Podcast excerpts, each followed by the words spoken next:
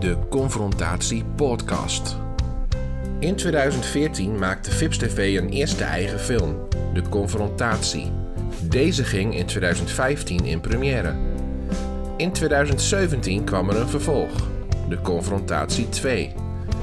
Deze beide films waren de basis voor de interactieve Pets-films. In deze podcast vertelt regisseur Brian over het ontstaan en blikt hij met mensen uit de confrontatie filmprojecten terug op deze tijd. Wij zijn broers, wij zijn vrienden, samen één.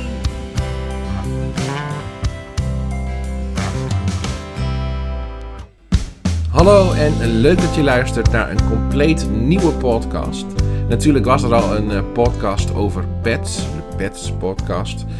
En nu is er ook een soort terugblik podcast die gaat over eh, de confrontatiefilms die we hebben gemaakt.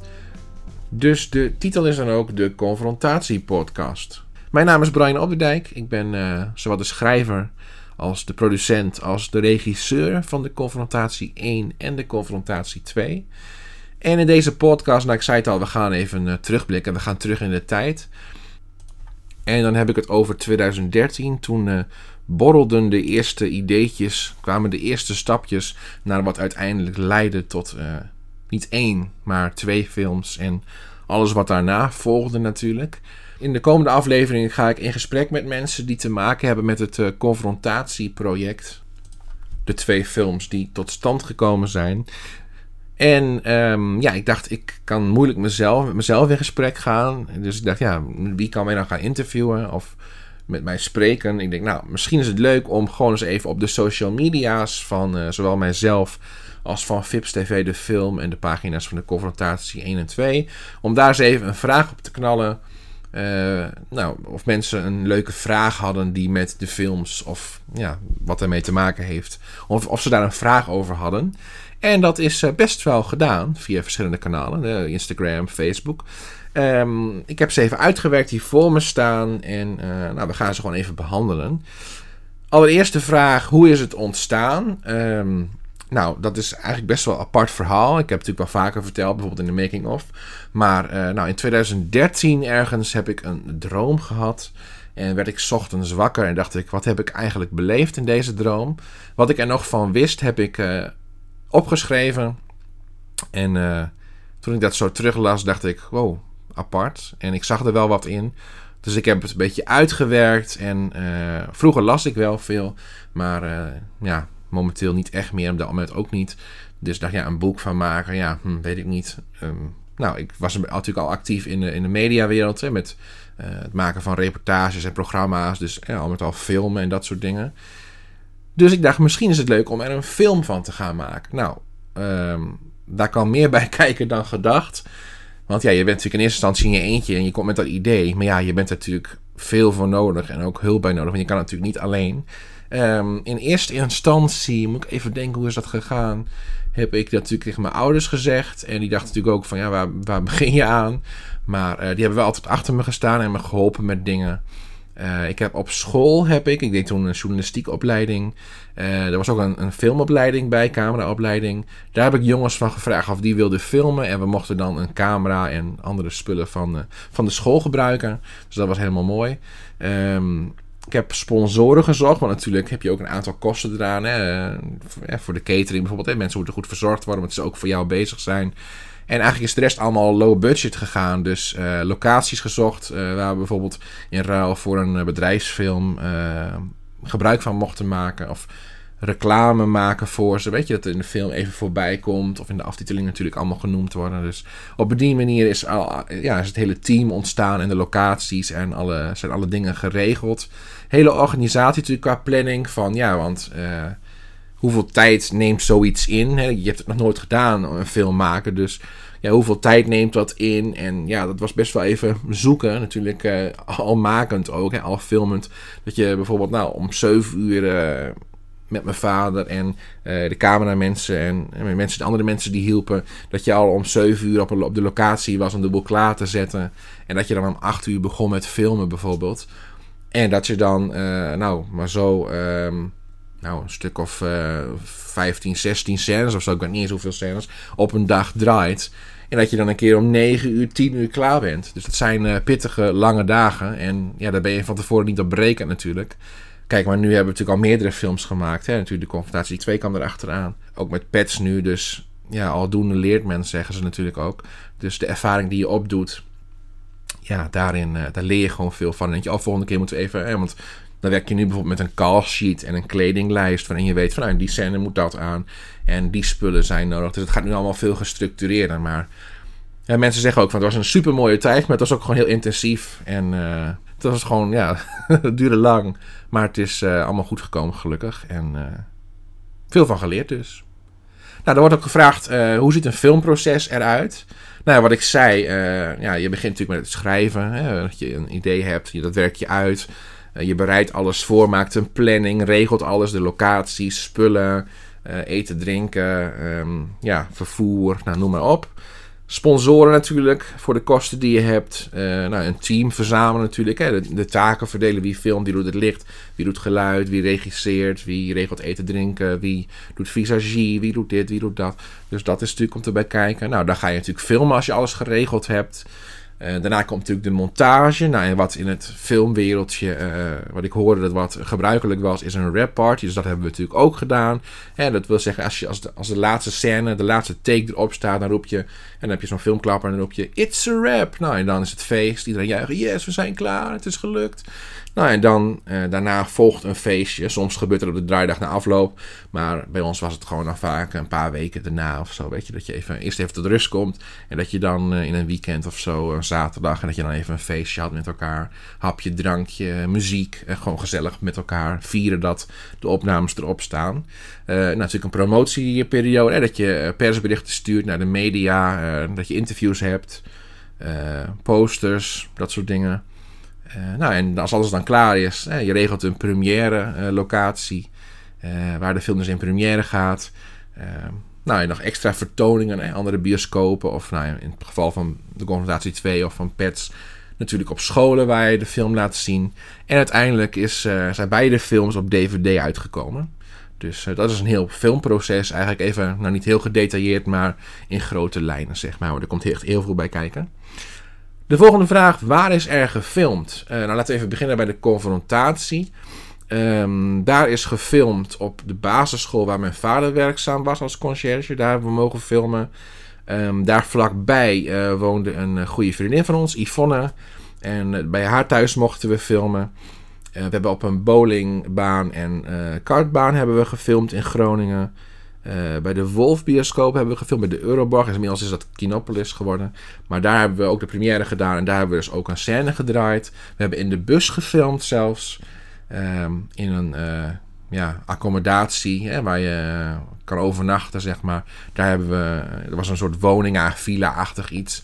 Daar hebben we de thuisopnames gedaan. En we hebben nog op een... school gefilmd met een opleiding uh, tot verpleging en ja, alle ziekenhuisgerelateerde dingen. Dus die hebben we daar gefilmd. Dus uh, zodoende. Hoe ben je aan de acteurs gekomen? Uh, ja, waar zijn die vandaan gekomen? Nou, um, ik heb castingoproepen geplaatst op Facebook en op van die eh, forums en websites, zeg maar. En daar kwamen mensen op met, die, die hebben zich daarop aangemeld met uh, informatie over zichzelf, een fotootje. Toen hebben gekeken van nou, wat heb ik qua plaatje in mijn hoofd bij dat personage? Zou deze persoon dat kunnen doen qua plaatje? Ja, nou, volgende stap. Uh, een stukje scène sturen of vragen om een filmpje te maken. Een self-tape heet dat. Waarin je jezelf voorstelt, een stukje scène speelt of emoties laat zien. En uh, op basis daarvan gekeken, nou, dit, dit zie ik wel zitten. Nou, toen hebben we, heb ik een afspraak met ze gemaakt. Ben ik bij ze langs geweest, hebben we kennis gemaakt. En uh, ja, besloten van uh, dit gaan we samen doen. En uh, ja, toen was het eigenlijk rond. En we hebben nog een meeting gehad ook trouwens, waarin mensen kennis konden maken met elkaar van tevoren. Dat vind ik ook wel belangrijk als je met elkaar op de set staat. Ja, je speelt vader en zoon of man en vrouw. Dat je niet op de dag zelf, hey, hoi, ik ben die, hoi, ik ben die. Oh, ik speel je man, ik speel je vrouw. Oh, leuk. Nou, dat je dan meteen dat moet spelen, zeg maar. Het is wel eens gebeurd. Maar ik vind het wel fijn als je elkaar van tevoren al even hebt gezien en dat je weet met wie je gaat spelen, zeg maar. Dat je het ijs alvast gebroken hebt. Om even een cliché uitspraak eh, te gebruiken. En de kleinere rolletjes, ehm, dat zijn dan vaak bekenden eh, van mij. Bijvoorbeeld de dokter in de film, Dr. Derks, die werd gespeeld door B. Small, singer-songwriter inmiddels uit Maiden. En ehm, ik maak daar nu nog steeds videoclips voor. Maar die man is een bekende van vroeger via mijn moeder. En hij speelde dus de dokter in de film. Hij is in het echt fysiotherapeut ook. En dat zag ik wel ook als dokterachtig. Dus nou ja, die zou het wel geloofwaardig kunnen doen. Om even een voorbeeld te noemen. Dus dat soort rollen op die manier opgevuld. Denk je nog vaak terug aan de première? Nou, vaak aan terugdenken niet per se. Maar als ik eraan denk, dan weet ik nog wel dat het super tof was. Want um, ja, natuurlijk de eerste film. Dan is het ook de eerste première. En dat het zo mooi was. Nou, ik had een. Eh, er zat, een, bij de bioscoop een rode loper uitgelegd. Ik had een limousine geregeld. waarin we uh, vanaf vlakbij. Uh, de acteurs in de, in de limousine stapten. en bij de loper uit werden gezet. En uh, nou, over naar binnen moesten, zeg maar. En nou, allemaal leuk geregeld. En mensen moesten er, geloof ik, om uit mijn hoofd 11 uur zijn. Ik weet de exacte tijd niet meer, dat maakt ook niet uit. Maar die moesten er om 11 uur zijn. En uh, nou, zouden wij dus om tien uur zijn om de boel klaar te zetten. Maar we waren dus om tien uur daar. En toen stonden heel veel mensen al daar te wachten. ik dacht, oké. Dus toen uh, snel alles naar binnen gezet. En uh, nou, terug naar die plek waar de limousine was. En toen zijn we begonnen. Dus, en echt, het was echt vol van, van de mensen. En de zaal was ook op tien plekken na vol. ik geloof 350 mensen of zo. Dus dat was echt een, een toffe ervaring. Dus dat was heel mooi om te zien. En uh, ook leuke reacties, dat is ook natuurlijk belangrijk. Dus het was echt gewoon ja, een mooie, mooie dag met het team en uh, superleuk. En daarna hebben we nog een toertje ook gedaan langs uh, meerdere bioscopen door het land en filmhuizen. En daarna is de film dus op DVD uitgekomen. En ja, wat ik zeg, wat, wat het zo leuk maakt, is gewoon dat je met elkaar ben je een leuke groep. Ja, want je maakt samen, werk je serieus aan een mooi resultaat. Maar uh, tegelijk heb je ook veel lol met elkaar. En dat zagen de mensen die bij de première waren aan de film. En ook aan ja, hoe we, als we, we zaten naast elkaar op de rij, hoe we ook weer met elkaar omgingen. Die lol en dat we samen echt zo keken van ja, dit hebben we gewoon samen gemaakt. Dus dat is wel heel mooi. Waarom kwam er een deel 2? Uh, eh, nou, omdat er best wel mooie reacties op de film kwamen. Veel mensen vroegen ook van, komt er een deel 2? En ook spelers die, ja, omdat we zo'n leuke klik hadden met elkaar, Waar ook spelers zeiden van, nou, we hebben wel zin om weer een deel 2 te gaan maken. Dus nou, toen ben ik er gaan, voor gaan zitten. En uh, heb ik uh, weer een nieuw verhaal geschreven. Natuurlijk, het verschil is bij deel 1, hè, voordat je begint, heb je nog niet echt iemand qua beeld voor je precies van, oh, die gaat het spelen, dus ik schrijf het zo. Maar omdat veel mensen weer mee gingen doen van deel 1, kun je met hun in gedachten weer schrijven, zeg maar. Dus ook persoonlijke dingetjes erin stoppen. Zoals bijvoorbeeld van Peter hè, met zijn selfies. Dat was dan iets wat in de film even terugkwam. Hè, en Steven, hè, die uh, maakte grapjes. Uh, zijn auditiefilmpje zat bijvoorbeeld in met chickies. Nou, dan, stop je daar iets van in. Weet je, dat is wel grappig. Gewoon iets persoonlijks erin. Dat is altijd wel leuk uh, op die manier. Um, wat wel zo is, het, toen het script klaar was, ik heb nog wel twee, twee keer aan moeten passen. Omdat er dan uh, bepaalde acteurs toch niet meer mee konden of wilden doen. Dus dan, ja, dan. Want uh, recast is natuurlijk niet mijn, uh, mijn voorkeur. Maar ja, dus dan als je een persoon er nog uit kan schrijven, vervangen, dan doe je dat. Maar van bepaalde rollen is het ook gewoon opgelost door wel een recast te doen. En dan paste dat ook weer bij die persoon, die rol. Dus dat is allemaal goed uitgepakt, gelukkig. Maar bijvoorbeeld Hidde, hè, de tweelingbroer van Ties, uh, Joost en Tijm in de film, die gaf aan dat hij het eigenlijk niet zo leuk meer vond om nog een tweede film te gaan doen. Maar uh, voor zijn broer en voor mij, om het verhaal toch nog een beetje kloppend te houden, um, heeft hij toch nog het begin en het einde van de film meegedaan. Dus dat is wel uh, super tof. Dus uh, ja, maar daardoor, daardoor dus twee aanpassingen. Hè, door, die, door de mensen die me meededen. Uh, of ja, minder wilden doen. Of ja, dat het even anders ging. Daardoor toch uh, twee keer aangepast. Maar uh, ik weet niet eens meer wat, wat ik aangepast heb. Dus het is gewoon zoals de film is. Zo ben ik er ook tevreden mee. En is het heel mooi geworden. Dus dat. En ik zei net ook al, we hebben natuurlijk een meeting gehad bij de eerste film. Nou, bij de tweede film hebben we dat ook weer gedaan. Maar iets groter in Utrecht hebben we een lunch met elkaar gehad. En hebben we het script met elkaar gelezen in een grote kring. En uh, zodat je weet van, oh, waar zitten nog de knelpunten en wat moet even anders nog en wat is... En dan konden ze ook zelf ook aangeven als acteur van, nou, dit wil ik niet spelen of dit zou ik anders doen. Nou ja, zo kan je toch even die puntjes op de i leggen. Dus dat was ook wel mooi. En dan heb je meteen dat je elkaar weer gezien hebt, ook van de nieuwe rollen die erbij kwamen. Dus ja, en natuurlijk een leuk weerzien voor de mensen die al eerder mee hebben gedaan. Dus dat was gewoon heel leuk. En uh, natuurlijk werd er eerder al gevraagd van waar is ze gefilmd? Nou, bij de confrontatie 2 uh, hebben we weer op diezelfde school met die verplegingsopleiding gefilmd. We hebben in de stad van Assen gefilmd bij, een ijssalon en op een terras.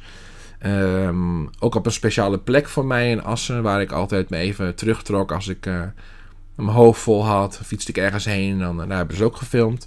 Uh, we hebben ook, uh, vorige keer hebben we natuurlijk in een uh, accommodatie gefilmd die verhuurd werd voor overnachting.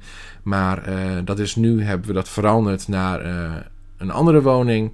En dat mochten we filmen bij de speler Joël, bij hun gezin thuis. dat was in Zoelmond. we hebben op een school in Groningen gefilmd. En wat wel een leuk feitje is, is dat die school waar we toen filmden, bij de confrontatie 2, dat dat een school is uit dezelfde organisatie als waar we Pets nu filmen. Dus dat is dezelfde stichting, schoolstichting, waar, uh, ja, waar beide scholen dus onderdeel van zijn. Dat is wel grappig. Maar daar kom ik later nog wel een keer op terug in een Pets podcast of iets. Maar dat is wel leuk dat die scholen eigenlijk wel bij elkaar houden. Eigenlijk een broertje, zusje, eigenlijk zo moet je een beetje zien. En we hebben nog in een winkelcentrum in Groningen gefilmd. En daar vlakbij voor uh, de scène waar het ongeluk uh, plaatsvindt. Nou, ook voor deze film hebben we weer een rap party gedaan toen we klaar waren. Um, hebben we een barbecue gehad bij Strandhorst. En uh, ook heel gezellig. Alleen uh, op het laatste toen begon het ineens keihard te waaien. Dus moesten we snel opruimen. En uh, was een beetje een abrupt einde, zeg maar. Maar we hebben het wel heel gezellig gehad. Natuurlijk, dat is het belangrijkste. En um, ook daar kwam natuurlijk weer het montageproces. En weer aandacht in de media. Ja, persberichten versturen, posters, dat soort dingen. Dus dat. zijn er leuke feitjes die je kan vertellen? nou, in deel 2 um, zit een uh, rol die gespeeld wordt door Alice, de moeder van uh, Joël. En zij speelt uh, Pauline van Rijn. En in eerste instantie zou dat een man zijn. Want die rol um, is een soort eerbetoon aan mijn mentor van vroeger. Want zoals misschien wel bekend zit in de confrontatie 2 een verhaal en wat met pesten te maken heeft. En omdat ik zelf vroeger ook gepest ben en eigenlijk deels mijn eigen verhaal in heb gestopt, um, ben ik vroeger heel erg geholpen door mijn mentor, meneer Reinders. En ik wilde een soort eerbetoon aan hem doen in de film. Dus ik dacht, nou, ik stop er een personage in die uh, ja, een kleine scène, maar wel een belangrijke scène daarin een rol heeft. En het zou eerst door een man gespeeld worden, alleen dat ging een beetje mis. Dus toen heeft Alice, uh, die is ingesprongen en die heeft uh, Pauline van Rijn gespeeld. En ook in Pets kwam ze nog een keer terug als Pauline van Rijn. Dus dat is ook wel, nou, wel een leuk feitje. Dus dat en een eerbetoon aan mijn mentor en hoe dat dan weer gegaan is, zeg maar. Dus dat is wel leuk. Um, wat is je het meeste bijgebleven van de tweede première? Nou, de eerste première was natuurlijk in Groningen.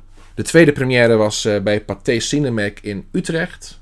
En er waren ook een aantal bijzondere gasten bij, waaronder uh, Stefan, uh, de hoofdrolspeler van Spijt, ook een film die over pesten gaat. We vierden natuurlijk toen vijf jaar Vips TV, dat is ook wel een mooi moment. En zoals ik al zei in het verhaal van de film, heb ik ja, eigenlijk onbewust een uh, deel van mijn eigen pestverhaal gestopt.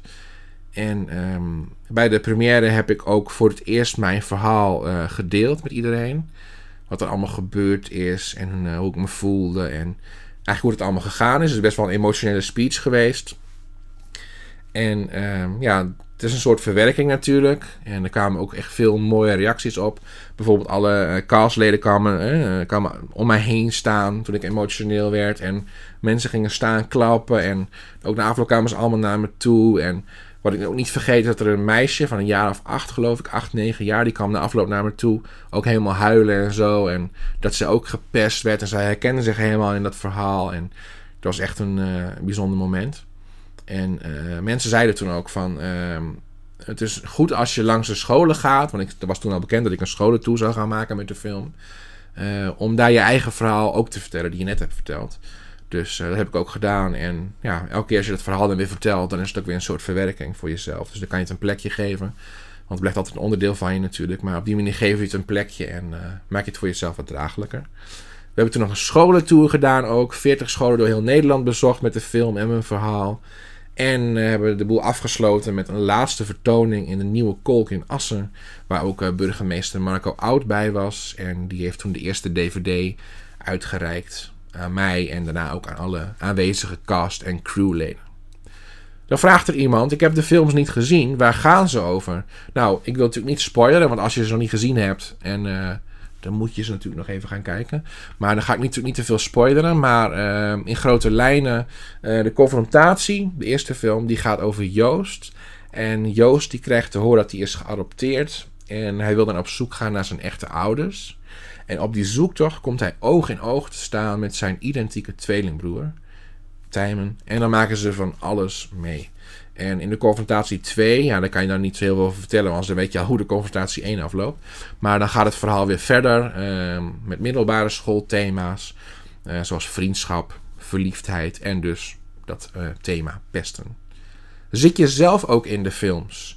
Ja, dat klopt. Um, bijna iedere regisseur die heeft zelf een klein rolletje met of zonder tekst in zijn of haar eigen film. Nou, als je bijvoorbeeld kijkt naar Carrie Slee, hè, die heeft uh, al die boeken geschreven, hè, Spijt en uh, Radeloos en uh, Pijnstillers.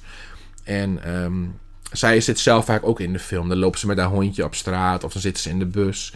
Nou, en uh, de, de jeugd van de confrontatie 2, hè, de, de pubers, die zeiden van, dat moet jij ook gaan doen. Ik dacht eerst, nou, hmm, weet ik niet. Maar ik vond stiekem toch wel leuk, dus toen uh, heb ik dat toch wel gedaan. En uh, zo is dus het karakter docent Bart Maas is op die manier ontstaan.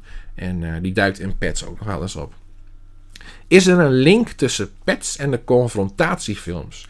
Ja, die is er zeker. En er zijn zelfs meerdere. Um, allereerst uh, dat er veel acteurs natuurlijk uit de confrontatiefilms... Uh, die hebben ook meegedaan aan Pets.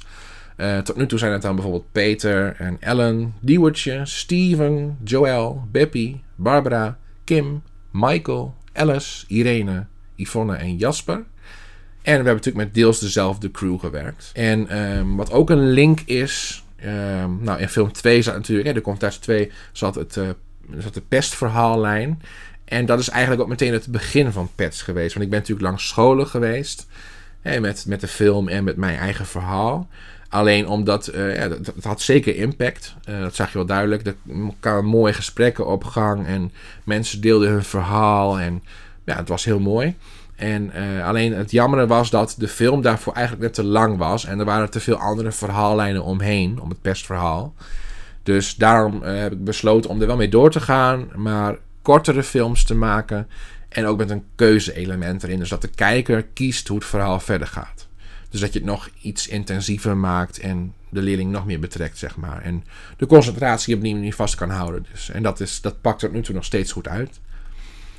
En nog een derde link is dat in een van de thema's van Pets. Uh, daar draaide het om de thuissituatie van Nick. Die werd gespeeld door Joel.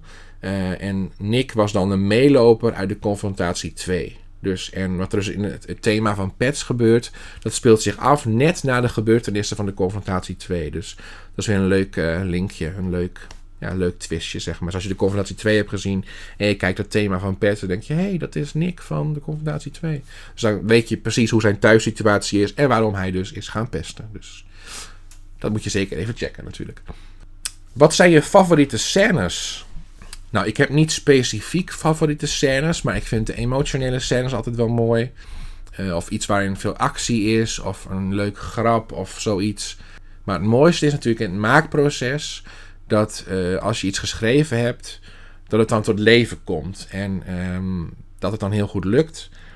Uh, dat, als je tijdens het filmen, dat je, het wordt dus geacteerd onder je neus eigenlijk.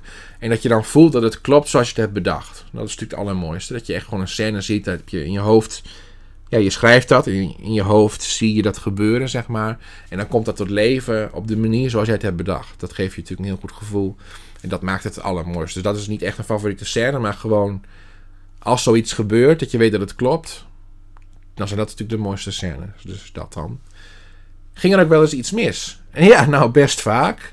Um, nou, we hebben altijd leuke uh, met een uh, compilatie daarvan.